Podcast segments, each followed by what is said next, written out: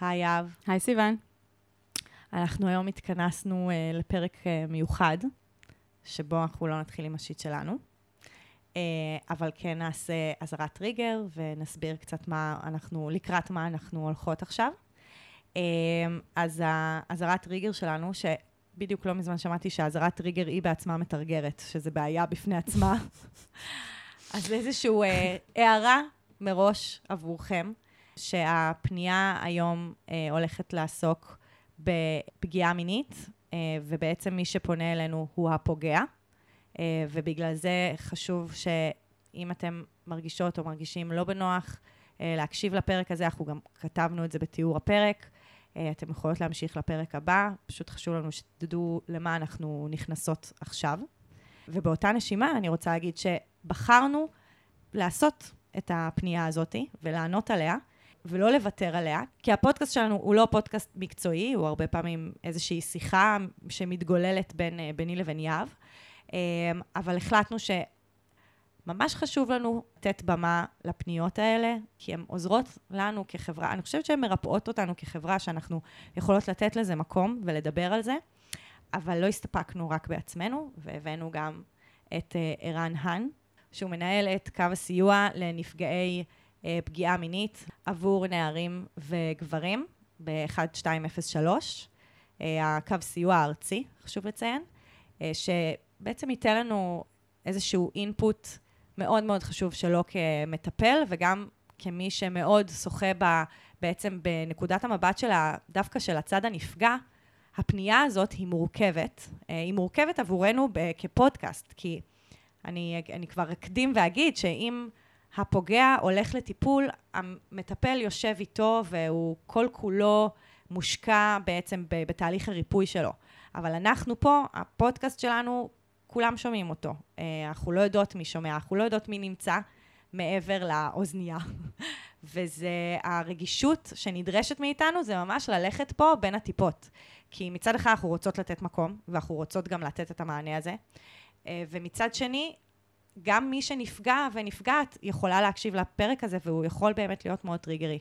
אז אנחנו א', ננסה לעשות את העבודה האחראית והמקצועית ביותר, אה, כדי להבטיח ש, שכמה שפחות אה, תיפגעו, ובאמת נבדוק את עצמנו מיליון פעמים.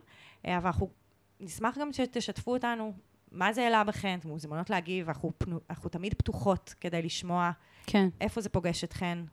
גם חשוב להגיד שכמו שסיוון אמרה, זו פנייה שבה מישהו שפגע פנה אלינו. ועל אף שאנחנו מגיעות מתפיסות עולם שלעמוד לצד אה, נפגעים ונפגעות, כשמישהו פונה אלינו, אז התשובה, המענה, הוא למי שפנה. נכון. גם אם מי שפנה הוא פגע במישהו אחר, גם אם מי שפנה אה, מבקש... אה, הוא מבקש עזרה, הוא מבקש אמפתיה, הוא מבקש שנגיד מה אנחנו חושבות על הסיטואציה. ואנחנו נתייחס אליו. לגופו של פונה. Mm-hmm. יש פה בן אדם שמתמודד עם משהו לא פשוט, והמטרה היא לא לתת עכשיו אה, במה אה, שער בשבעה ימים mm-hmm. למשה איבגי. זה לא, ה... זה לא הסיפור פה, זה לא הצד שלו, בואו תשמעו את הצד שלו. מה שאנחנו רוצות לעשות זה לדבר על הנושא של פגיעות מיניות. אה, לדבר עליו גם מנקודת אה, מבט של בן אדם שפוגע וצריך עכשיו לחיות עם זה שהוא פגע. על כל מורכבותו בעצם. כן. אה, בואו נגיד ככה, אנחנו לא מפחדות ממורכבות, ובגלל זה לא ויתרנו. אז אנחנו נתחיל? נתחיל. אני ממש צריך את ה... אני ממש צריכה את ה... מה אני יכול לעשות במצב כזה?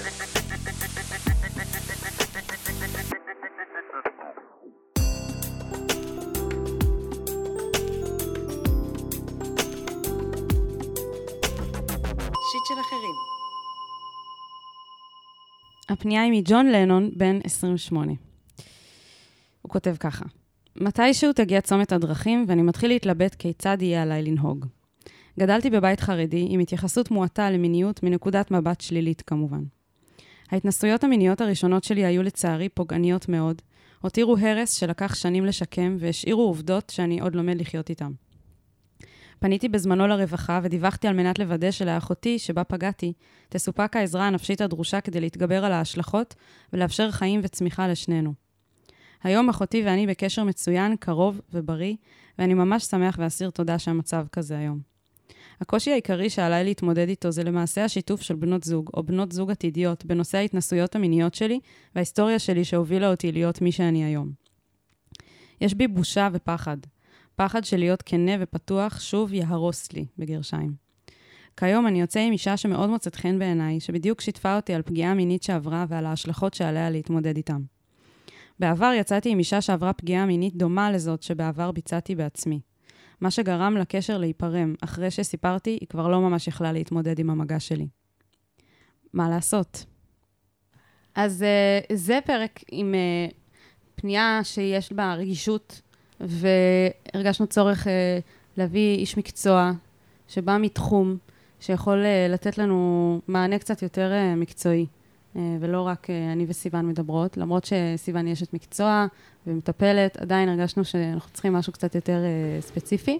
אז אנחנו יושבות פה עם ערן האן, שהוא מנהל את קו הסיוע לנפגעי תקיפה מינית בגברים ונערים, 1203, ואנחנו, יש, יש לנו גם עוד פרק שבו אנחנו מארחים את ערן, ממליצות מאוד לשמוע גם את זה. כאן ערן ייתן לנו קצת ממה שהוא... רואה וחושב על המקרה הזה. אה, ערן, מה אתה חושב? תראו, חסרים פה פרטים, אז נכון. קשה לי אה, להגיד, אבל אה, קודם כל ליבי עליו. אבל אה, מכיוון שאני בא מעולם של אה, נפגעי תקיפה מינית, ולא של אה, פוגעים מינית, אה, אני מחזיק תמיד את הצד שלהם. אי אפשר להחזיק את החוט בשני קצותיו, את החבל בשני קצותיו. ועדיין, אה, אני לא יודע באיזה אופן הוא פגע באחותו.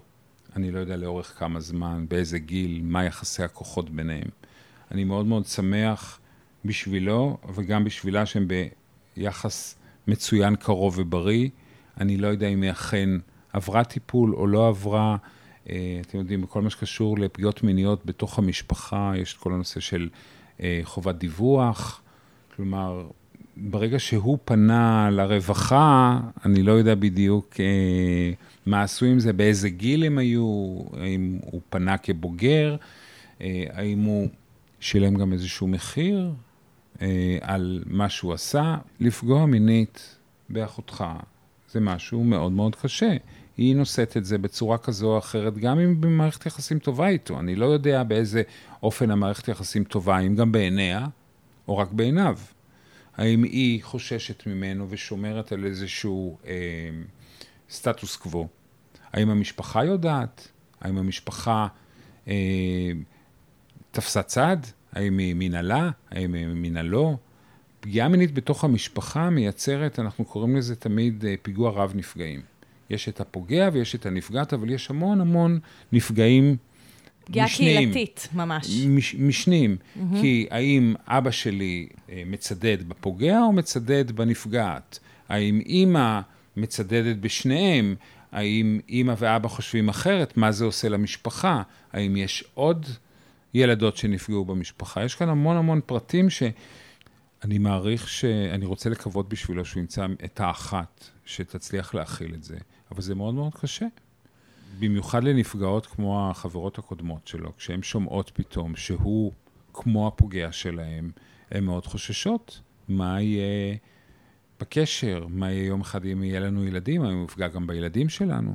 כלומר, הוא נושא איתו אות קלון שהוא יצטרך להתמודד איתה. אני לא יודע כמה הוא היה בטיפול, כמה הוא לקח אחריות. נראה באמת על פניו אה, שנורא חשוב לו לבוא ולהגיד שהוא מצא לה טיפול. ובזה הוא לכאורה רואה אולי שהוא עשה פה תיקון, והיא... Mm. אה, מח, היא מחלה לו, או שהוא שילם על הדבר הזה. לא יודע. שוב פעם, אני, אני לא מדבר עכשיו על שכר ועונש, אני מדבר על מורכבות של קשר בין שני אנשים, ועד כמה, וזו העבודה שעושים בדרך כלל עם, נפג... עם פוגעים, כמה באמת יש לו שם אמפתיה, כמה הוא לקח אחריות על הדבר הזה, כמה הוא בא ואומר, וואו, אני גרמתי לסבל אינסופי לאחותי, אני רוצה למצוא דרך. אני מאמין שיש, יש היום כל מיני דרכים. כשאני מדבר על ענישה, אני לא מדבר על בהכרח בית משפט ומשטרה, אני מדבר על, על האפשרות להתעמת מול המשפחה, להוציא את הסוד הזה החוצה. על השלכות. אה, על השלכות, אה, יש אפשרות לצדק מאחה, שאני מאוד מאמין בו. אני רוצה לציין את העמותה בצדק, שמתעסקים כן, בצדק לא. מאחה בין כן, פוגעים לנפגעים. אבל, אבל חשוב להגיד, אם אנחנו מדברים על, ה, על הקואליציה הזאת של בצדק, כן? התנאי הבסיסי הוא שהפוגע הוא בעניין. מודה, לא בעניין, הוא, כמו שהוא מודה במה שהוא עשה, והוא יכול לראות את ההשלכות ולחוש חמלה. זה כן. גם העבודה מול פוגעים. כן? נכון. עובדים איתם על, ה, על יצירת האמפתיה, כי הם באמת אה, מדחיקים את, ה, אה, את הפגיעה, הם עושים לה מינימל, מינימליזציה, דפוסי החשיבה הרבה פעמים יכולים להיות מעוותים, בסך הכל עשינו אהבה, בסך הכל היא רצתה את זה, זה לא אני. וגם, בהקשר של המקצוע שלך, שהרבה מאוד מהפוגעים הם גם היו נפגעים, ואנחנו גם לא יודעות, כאילו, הוא לא אומר את זה, אבל גם יכול להיות שזה המקרה, וגם אם זה לא המקרה, זה גם קשור להצדקות. אז, אז. זה, אז זה מקום לתקן אה, מיתוס נוסף. אה, אה, וואו. רוב הפוגעים, רוב הנפגעים לא הופכים להיות לפוגעים. אבל רוב הפוגעים, גם לא. רוב Mm. הפוגעים, יש כל מיני מחקרים, יש מחקרים שמדברים על 30 אחוז, יש כאלה שמדברים על 60 אחוז, אבל כשאנחנו מדברים פוגעים, מי זה הפוגעים שנחקרו? זה אנשים, עברייני מין מורשעים. שזה אנחנו אחוז מאוד קטן. יודעים שזה אחוז מאוד מאוד קטן, וזה בדרך כלל מקרי, המקרים היותר קיצוניים, שיש לנו באמת אה, מספיק די אה, ראיות. וגם שמה, הפגיעה המינית לבדה לא מספיקה כדי שהם יהפכו להיות. צריכה להיות שם אה, טראומה התייחסותית, צריכה להיות שם בעיית היקשרות. אה, כל מיני נסיבות אה, שמובילות. כשהנסיבה העיקרית היא אלימות בילדות. אלימות כלפיהם, ולא בהכרח אלימות מינית. בסדר? אבל זה עוד אחד מהסיבות שגברים לא מספרים על פגיעות מיניות, כי הם הופכים להיות פצצה מתקתקת. תסביר. מה זאת אומרת? מהבחינה הזאת, שאם מישהו אומר, אה, הוא נפגע, וואו, וואו, וואו, הוא בטח יהפוך להיות פוגע, בגלל המיתוס. בגלל המיתוס. Mm. וגם אה, וואו. פה, כשהוא בא ובאמת אומר, אני פגעתי, אז מי מבטיח לי כאשתו לעתיד שהוא לא יפגע בילדים שלי? זה מפחיד. נכון. זה בגלל המיתוס שאם פגעת אז תפגע שוב, ואז זה... גם ש-once a rapist, uh, always a rapist, כאילו... שזה מיתוס או לא מיתוס? זה לא, הוא לא אמר שזה מיתוס. לא, זה לא מיתוס, זה אמיתי. כן. שוב פעם, אם לא עשית עבודה, אם לא עשית עבודה טיפולית, אין שום סיבה שלא תפגע עוד שוב. פעם. ולא תפגע שוב, כי התפיסה שלך, יחסים היא תפיסה של פוגע. כן. כן, שהכל מגיע לך, שאתה רואה את הצרכים שלך, ועוד כהנה וכהנה, אני לא... וכשאתה אומר עבודה טיפולית, האם זה משהו שאתה יכול לשים עליו איזשהו אה, תאריך, אה, אוקיי, סיימתי, עשיתי טיפול, ביי, זה מאחוריי, או שזה משהו שאתה מאמין ש... כאילו, מתי יודעים שדי? מתי יודעים שאוקיי, קודם כל טופלתי? זה נורא תלוי במקרים. הרבה פעמים יש פוגעים שפגעו בילדות שלהם או בנערות שלהם ולא פוגעים בבגרות שלהם. אני חושב שרובם הם כאלה. שוב פעם, הם משתמשים בשפה אה, שהם הכירו בבית, לא בהכרח הם נפגעו, אבל זאת הייתה השפה בבית, לדוגמה. אבל זה לא אומר בהכרח שהם ימשיכו לפגוע בעתיד. ממש לא. בוא נאמר ככה, שרוב הפוגעים הם לא סוטי מין בהגדרה פסיכיאטרית. כן. הם לא פועלים מהדחפים שלהם. זה הם, גם בניגוד למיתוס. כן, מאוד הם מאוד לא גדול. פועלים, זה לא שהוא קם בבוקר חרמן ואז הוא מחפש מישהו. זה אפשר להגיד על פדופילים שעומדים ביציאה מגני ילדים ובאמת מחפשים, זה לא פגיעה בתוך קשר. אבל רוב הפגיעות המיניות הן בתוך קשר. קשר כלשהו. קשר כלשהו, כלומר, אבא או אח או דוד יכולים להשקיע גם חצי שנה בבניית הקשר, כן, ואחר כך תבוא פגיעה מינית, ויכול להיות שגם בפגיעה המינית הזאת אפילו לא יהיה סיפוק מיני של הפוגע, והסיפוק המיני, גם אם הוא מגיע, הוא, הוא, הוא משני. סיפוק משני לגמרי. החוויה של השליטה כן. באחר, ה- הכוח שאני מפעיל, זה שאני יכול לומר לה מתי לבוא, איך לבוא, מה אני עושה איתה, ויש לי שליטה מלאה, היא-היא החוויה פה שהם מחפשים. כן. ולכן בתוך טיפול זה מה שאנחנו עובדים עליהם. ויש סיכוי אה, סביר שאם הטיפול הוא טוב, אז... אז גם יכול להיות תיקון. למה אני שואלת את זה על ה- מתי יודעים שאוקיי, טופלתי, נגמר? כי הוא מד- בעצם מדבר על זה ש... הוא אומר, דיווחתי לרווחה בזמנו, ו- והיא אה, קיבלה את העזרה הנפשית הדרושה כדי להתגבר על ההשלכות ולאפשר חיים וצמיחה לשנינו. אה, הוא אומר כאילו דברים שלי ברור שהוא עדיין באיזשהו תהליך עם עצמו לגבי הדבר הזה, ו... והוא לא אומר אם הוא בטיפול או לא. כן. ובגלל זה אני שואלת את עצמי, אולי השאלה פה היא בעיקר, אולי הוא צריך פשוט ללכת לטיפול. להמשיך את התהליך הזה, וזה יעזור לו עם מה שהוא שואל. יכול מאוד להיות. אני השאלה. גם לא יודע שכשהוא אומר, אה, אה, פניתי לרווחה כדי שאחותי תקבל את העזרה הנפשית הדרושה כדי להתגבר על ההשלכות, האם זה גם העמדה שלה? כי אנחנו מדברים, כשאנחנו מדברים על פגיעה מינית, אנחנו מדברים על עניין של שליטה, כן? אתה לא יכול להחליט בשבילה אם עכשיו זה מתאים לה להיות מטופלת או לא. או מי- אם הטיפול הזה באמת אפשר לה... כן, האם הוא להתקדם יסתיים ו- או לא יסתיים, כלומר, זה גם כן להמשיך באיזשהו אופן את הפגיעה מהבחינה הזאת שאתה יודע מה טוב לה. אולי היא לא רוצה טיפול, אולי היא לא רוצה ללכת למשטרה, אולי היא לא אולי רוצה... הטיפול הזה לא היה מספיק. נכון. אולי זה לא... אולי ו- עדיין צריך... ו- ויש פה איזושהי, אה, בין השורות, מין איזושהי תחושה כזאת, שהוא כבר מבחינתו השאיר את זה מאחורה, ועכשיו זה רק קצת מפריע לו במערכות יחסים, והוא רוצה לנקות את זה כדי ש... כן, שניתן לו את עצת הזהב, איך הוא יכול להגיד את זה, אבל באופן שנשים לא ידחו אותו. אה, אני לא יודע עד כמה זה יקרה, כי הוא לא יכול למחוק את הדבר הזה, אבל השאלה גם איך הוא מתקשר את זה. ואיך הוא מתקשר את זה בינו לבין עצמו, והאם באמת הוא עשה שם איזשהו תהליך, והאם באמת הוא היה בטיפול, והוא מבין את ההשלכות. כי הוא נורא חשוב לו להראות שהוא היה נורא נורא טוב לאחותו בסופו של דבר. לא יודע, לא שמעתי אותה. בסדר? אני, אני מאוד מאוד נזהר, יכול להיות שבאמת היא עברה טיפול נהדר, והמערכת היחסים ביניהם נפלאה, ואני מאחל לו את זה, כן? אבל אנחנו לא יודעים. אנחנו התייעצנו גם עם אה, יעל, שעבדה איתך ב- במרכז הסיוע, והיא, אחד הדברים המשמעותיים שהיא אמרה, זה שהטיימינג של מתי הוא חושף את הדבר הזה בתוך זוגיות מתהוות, זה טיימינג מאוד משמעותי, שעליו הוא היה יכול לעבוד בטיפול. כלומר, אין כאן קיצור דרך. התיקון הזה הוא נכון. גם משמעותי עבורו, אבל הוא גם משמעותי בשביל הרצונות שלו להמשיך הלאה. כלומר, זה, זה חלק מהעבודה הטיפולית, לקחת את האחריות, לדבר אותה. גם התייעצנו עם גיא, גיא עינת, והוא אמר, כאילו, הדבר הראשון שצריך להתחיל ממנו, זה להיות בטיפול.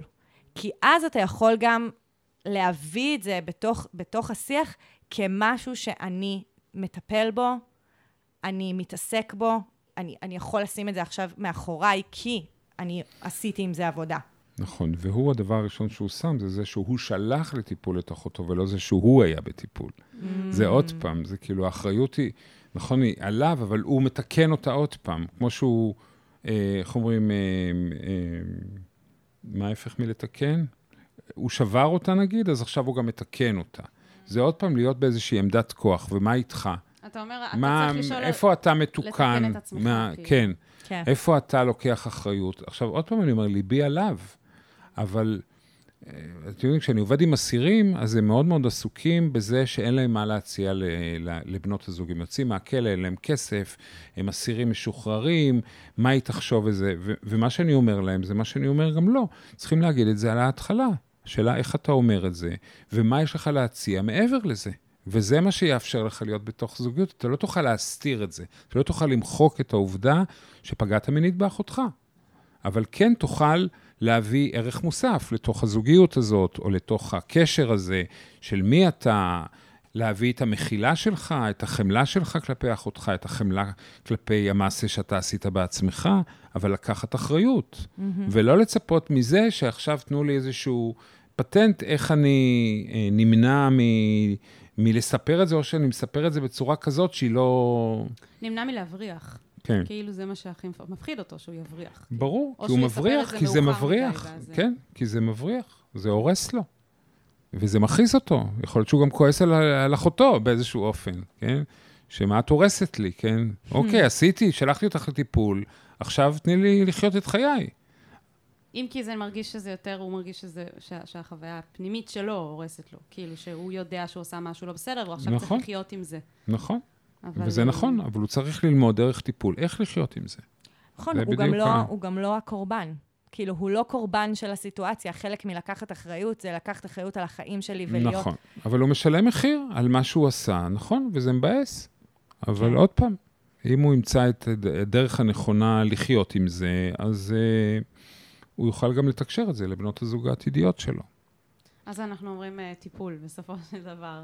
זאת השורה התחתונה. תמיד, תמיד? אנחנו מסיימות עם לכו גם לטיפול. לא תמיד, יש יש שאלות שלא מצריכות טיפול. כן, האם אה, להוריד שערות בפוט, פחות, אה, פחות תלכי לטיפול, סבבה. כן, אבל פה אנחנו מדברים על משהו, על חוויה מאוד מאוד משמעותית, גם לו וגם לאחותו, שיש בה המון אה, השלכות רגשיות, נפשיות, משפחתיות. אה, אה, גילוי עריות זה לא עניין של מה בכך. ברור. וזה הופך משפחות, וזה שובר משפחות, וזה משנה הרבה מאוד דברים. וזה לא שברתי ואזה לאימא שלי. מהמם. ואוקיי, אני אקנה לה ואזה אחרת, זה לא יהיה אותו דבר, אבל... אה, ואולי תכעס, כי זה היה ואזה של הסבתא, אבל היא תצליח לחיות עם זה. זה לא... היא לא תראה אותי בעיניים אחרות. אבל כשאני פוגע באחותי, אז כן, זה משנה את כל האופן שבו אני מתבונן על עצמי, אחותי מתבוננת עליי והמשפחה שלי מתבוננת. כן, שזה באמת חלק שאין לנו אותו. אנחנו צריכות לשחרר את אה, ערן אה, ללכת לטפל באנשים. נכון, אנחנו נמשיך את הדיון קצת בינינו. כן. אבל תודה לך על כל ה insight והטוב, הכל. תודה לכן. לא, זה הוא... אני לא אגיד לכם מה שאומרים לנו תמיד, אני לא סובל את זה, אתם עושות עבודת קודש. כן. לעשות עבודת קודש עם אז הרבה... לא תגיד, אבל תגיד. עם הרבה הומור תוך כדי. כן, אז אני ממש שמחה שהבאנו את ערן, גם אני. כי א', באמת שומעים כמה הוא איש מקצוע, ושומעים את השנים שהוא עשה, את הדרך שהוא עשה בתוך העולם הזה, ואני חושבת שזה, הוא עוזר לנו לבנות כאן תמונה מלאה, כי עם כמה שאנחנו רוצות להיות עם הפונה, זה מאוד חשוב לזכור את התמונה המלאה של כל הפגיעה ושל שקרתה. כל המאזינים והמאזינות גם. בדיוק. אז אני ממש שמחה שהבאנו אותו. אני רוצה להתייחס לעוד כמה נושאים אה, שאני עשיתי בעבודת המחקר לקראת ה, בעצם ההקלטות האלה, עם אנשי מקצוע שדיברתי איתם. התייעצתי עם שלושה אנשי מקצוע, בעצם נוספים לערן הנהדר. התייעצתי עם אה, גיא עינת, שהוא אה, קרימינולוג ופסיכותרפיסט, אה, שהוא מדריך ומכשיר אנשי טיפול בתחום המיני-חברתי. בכל ה... בעצם במה שקשור לפגיעה מינית. התייעצתי עם סיוון גלעדי, שהיא עו"ס קלינית והיא מתמחה בטיפול בנפגעות, והתייעצתי עם יעל, שלא רוצה שנפרסם את שם המשפחה שלה, בגלל שהיא עובדת ב... היא קרימינולוגית קלינית, והיא מטפלת יהודית בפוגעים מינית, והיא עובדת בעצם ב... במרכז uh, לנפגעים, במרכז טיפולי, שהיא לא רוצה בעצם ש... לשבור את האנונימיות שלה. Um, והיו כמה דברים שבאמת אמרו לי, ככה בשיחות איתם, שהם מאוד משמעותיים, ואני חושבת שאנחנו יכולות לעשות כאן סדר, יחד עם מה שערן אמר לנו. אז הדבר הראשון, וערן באמת נגע בזה, שזה באמת כל הנושא הזה של הטיפול, האם הוא היה בטיפול. זה גם הדבר שכשאנחנו דיברנו על זה, אני, את, אני, ו- כן. אני ויהב, דיברנו על זה, אז, אז דיברנו על, רגע, אנחנו לא מצליחות להבין אם הוא היה בטיפול. ואחד הדברים שגיא עינת, אה, שהוא אמר, וזה אחד הדברים משמע, משמעותיים, זה שחשוב שהוא ילך למומחה או מומחית אה, בתחום של גילוי עריות, והוא יעשה עם עצמו עבודה ועבודה מול אחותו, אה, של תהליכים של איחוי ודיאלוג בינו לבין אחותו, ושעם המטען הזה, יהיה לו הרבה יותר קל להגיע לדייטים ולנישואים. כי אתה מציג את המשבר כמשהו שהיה וטיפלתי בו. אה, ש... מה זה מציג? הוא גם, הוא גם, זה לא רק מציג, זה באמת משהו שאתה מטפל בו, ואתה מגיע אחרי שאתה... נכון, כאילו, אבל הרי הוא פנה אלינו, אנחנו רוצות רגע ל... אה, כי הוא פנה לגבי איך הוא מציג את זה. בדיוק. בסוף. הוא, כאילו, כן. נכון. הפונה שלנו, הוא מתעסק בסוגיה שאגב, אנחנו יכולות, אם אנחנו רוצות שנייה לנתק אותה, שנייה מהנושא של הפגיעה, זו שאלה אוניברסלית של מתי אני חושף משהו אישי עליי בתוך זוגיות מתהווה. שעשוי להבריח, נקרא לזה, את כן, הצד ב- השני. כן.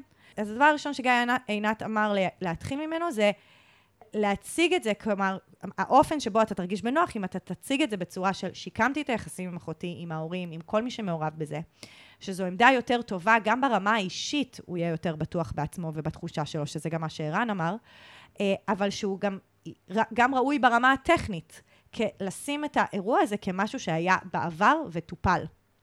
וכרגע אני חושבת שחלק מהקושי שהוא מביא אלינו, זה כנראה, וכמו שגם ערן אמר, הוא לא היה בטיפול, כי הנה או הוא... שהוא לא היה עד הסוף בטיפול, כאילו... כן, אולי ב, ב, כשהוא היה ילד או נער, וכאילו בחיים הבוגרים שלו לא...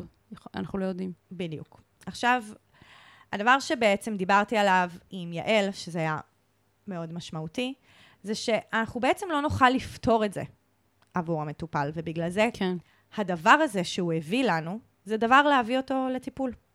וזו שאלה טיפולית, להגיד מתי אני חושף, כמה אני חושף, איך לספר ומתי לספר, זה באמת שאלה שפוגעים מתעסקים בה.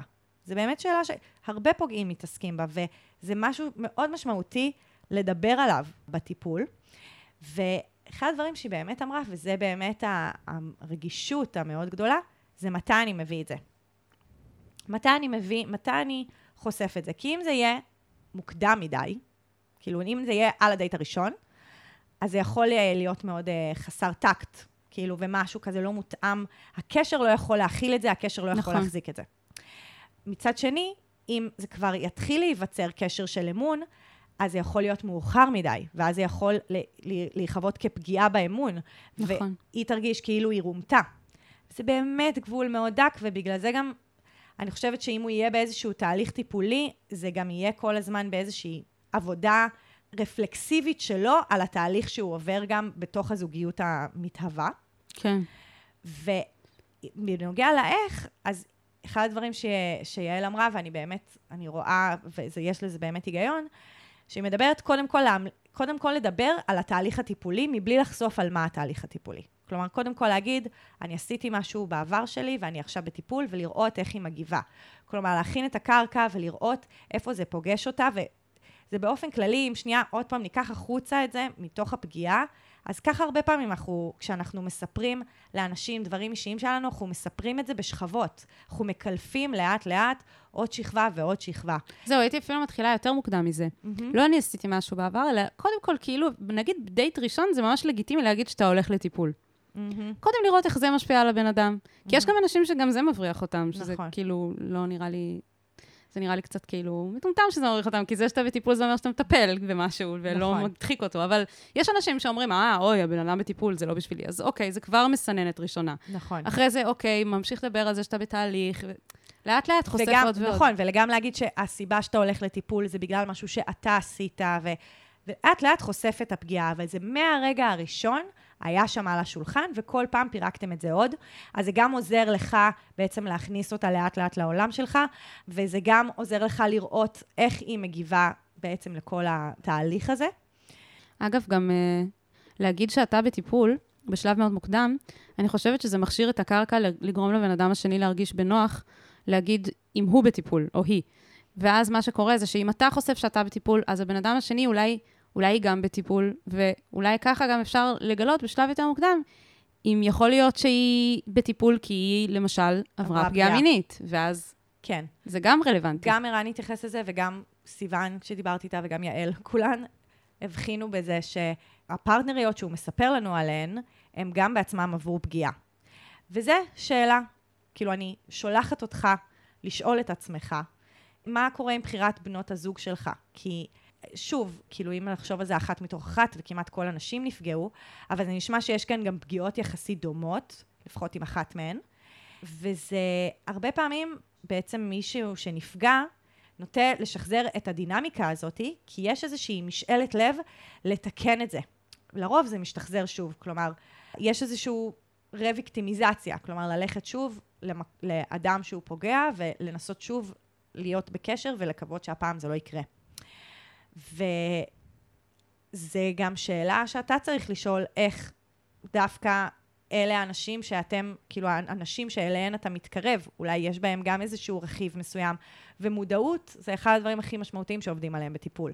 כלומר, לשים לב לבחירות שלי, לשים לב למנגנונים שמופעלים אצלי. זה חלק בלתי נפרד. ובאמת גם לשאול את עצמך, מה אתה מנסה לתקן בקשר איתן? כלומר, זה לא רק ש... כאילו, זה לא רק הן צריכות לשאול את עצמן, זה גם אתה צריך לשאול למה דווקא אה, האנשים האלה, ובאמת עדיף, כאילו, במסגרת טיפול. כן. לשאול את השאלות האלה, כן. בדיוק. וגם, שוב, כשאני חושבת שזה היה מאוד משמעותי שערן הביא לנו את התמונה המלאה.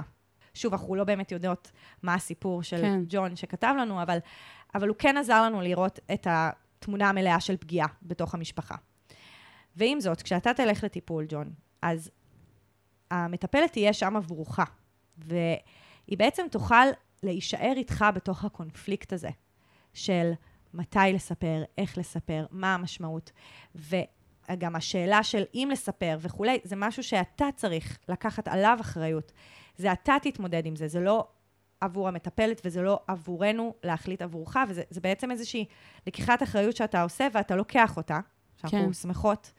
אה, ש, שהפנייה שלך עוסקת בלקיחת אחריות אה, בהקשר הזה, של ברור לך שאתה רוצה לשתף את הפרטנריות שלך, אה, וזה באמת מורכב, אבל את המורכבות הזאת, יש משמעות לתהליך שאתה תהיה, תשהה בקונפליקט הזה. תשהה ותדבר עליו ותכאב אותו. וזה משהו שאנחנו לא יכולות לחסוך לך אותו. כאילו, אנחנו לא יכולות לחסוך דרך המענה שלנו היום את, ה, את הישיבה הזאת. כן, גם יש הבדל בין טיפול אחד על אחד לבין שיח ציבורי יותר, שזה מה שאנחנו עושות כרגע, שבעצם מאזינים לנו המון אנשים שונים, שהם בכל מיני חוויות משלהם, וזה איזשהו משהו יותר ציבורי. אני חושבת שכשמישהי ש... או מישהו שיטפלו בך, באמת יהיו מוקדשים למטרה שלך, בדיוק, בדיוק, ולא לשיח הציבורי שצריך להיות על זה. בדיוק. אנחנו נשלח אותך הביתה עם uh, המלצות. Um, אחד, uh, אם אתה רוצה לקרוא את הספר uh, של uh, יאיר אפטר, גברים מדברים אלימות, uh, ש... וואו. כן, שכתוב בצורה מאוד רגישה, וככה קיבלתי את ההמלצה הזאת מאנשי המקצוע. אה, יש גם את הספר אה, מקורבן לתוקף, כלומר, באופן כללי, יש גם הרבה ספרות על מקורבן לתוקף. אה, Mm, וואו. ואבי ברמן כתב על זה מאמר מעולה. אה, בנוגע למקומות טיפול, אז יש את אה, מרכז אה, יום העגלים, שהוא נותן מענה מקיף לטיפ, וטיפול פרטני וקבוצתי מאוד אינטנסיבי, אבל מגיעים אליו בעיקר עם uh, הפנייה, כאילו מבחוץ. אז יש גם מרכזים כמו התחלה חדשה, שנותנים מענה גם לפניות פרטיות. ומטפלים, אני יכולה כאילו להמליץ על uh, מטפלים, כאילו ללכת בצורה פרטנית, אז יש את גיא עינת, שהתייעצנו איתו, ויש את uh, נתי בן דוד, שהוא קרימינולוג uh, קליני וגם מטפל, uh, ויש את סיון גלעדי, שהתייעצתי איתה. יואו, כמה משאבים, סיוון. זה הכי הרבה משאבים שנתנו למישהו, זה מדהים. אני ממש גאה בנו. לגמרי. אה, ואני בטוחה שאתה גם עוד יכול אה, לגלות באינטרנט אה, ולחפש המלצות וכולי, אז אנחנו מחזקות אותך לעשות את זה ולהתחיל משם ולהתחיל את המסע הזה. כן, ואני חושבת שזה כל כך חשוב, הטיפול, בגלל שזה עוזר גם לך וגם לכל הסביבה שלך.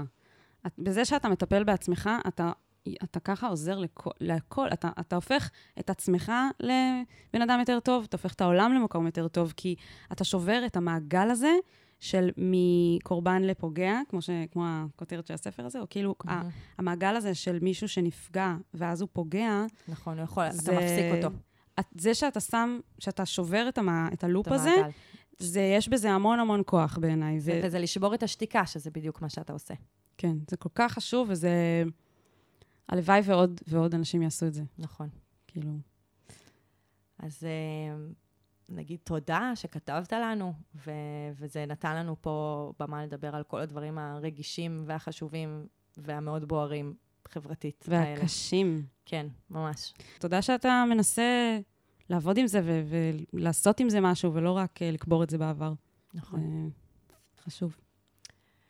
אז נסיים, ואם יש אנשים שמקשיבים ורוצים שגם השיט שלהם יקבל אה, מענה. זה גם יכול להיות כל סוג של שיט, זה לא חייב להיות שיט כן. אה, כזה, זה יכול להיות... יש סגנונות שונים. יש כל מיני סגנונות, אתם מוזמנים להקשיב לכל הפרקים הקודמים והבאים. Uh, למרות שיש, יהיו עוד, פרקי, יהיו עוד פרקים כאלה שיקבלו, שיקבלו את מלוא הזה, כבר ראיתי כמה, שהולכים לקבל עוד... זה סימן סימנה. כן, כל הדברים שבאמת דורשים מאיתנו את הרגישות, uh, יקבלו גם את הרגישות שמגיעה להם. אז אתם מוזמנים לכתוב לנו בטופס פנייה אנונימי, שנמצא גם בכל מקום שאתם מקשיבים, יש לינק, וגם בקבוצת הפייסבוק שלנו, שיט של אחרים, עצות לחיים עצמם. ומוזמנות ומוזמנים לעקוב אחרינו באינסטגרם, אה, שיהב מאוד אה, משקיעה בחשבון הזה. קוראים לו other people shit. אה, אז אה, ביי. יאללה, ביי. אני ממש צריך את ה... אני ממש צריכה עצה. מה אני יכול לעשות במצב כזה?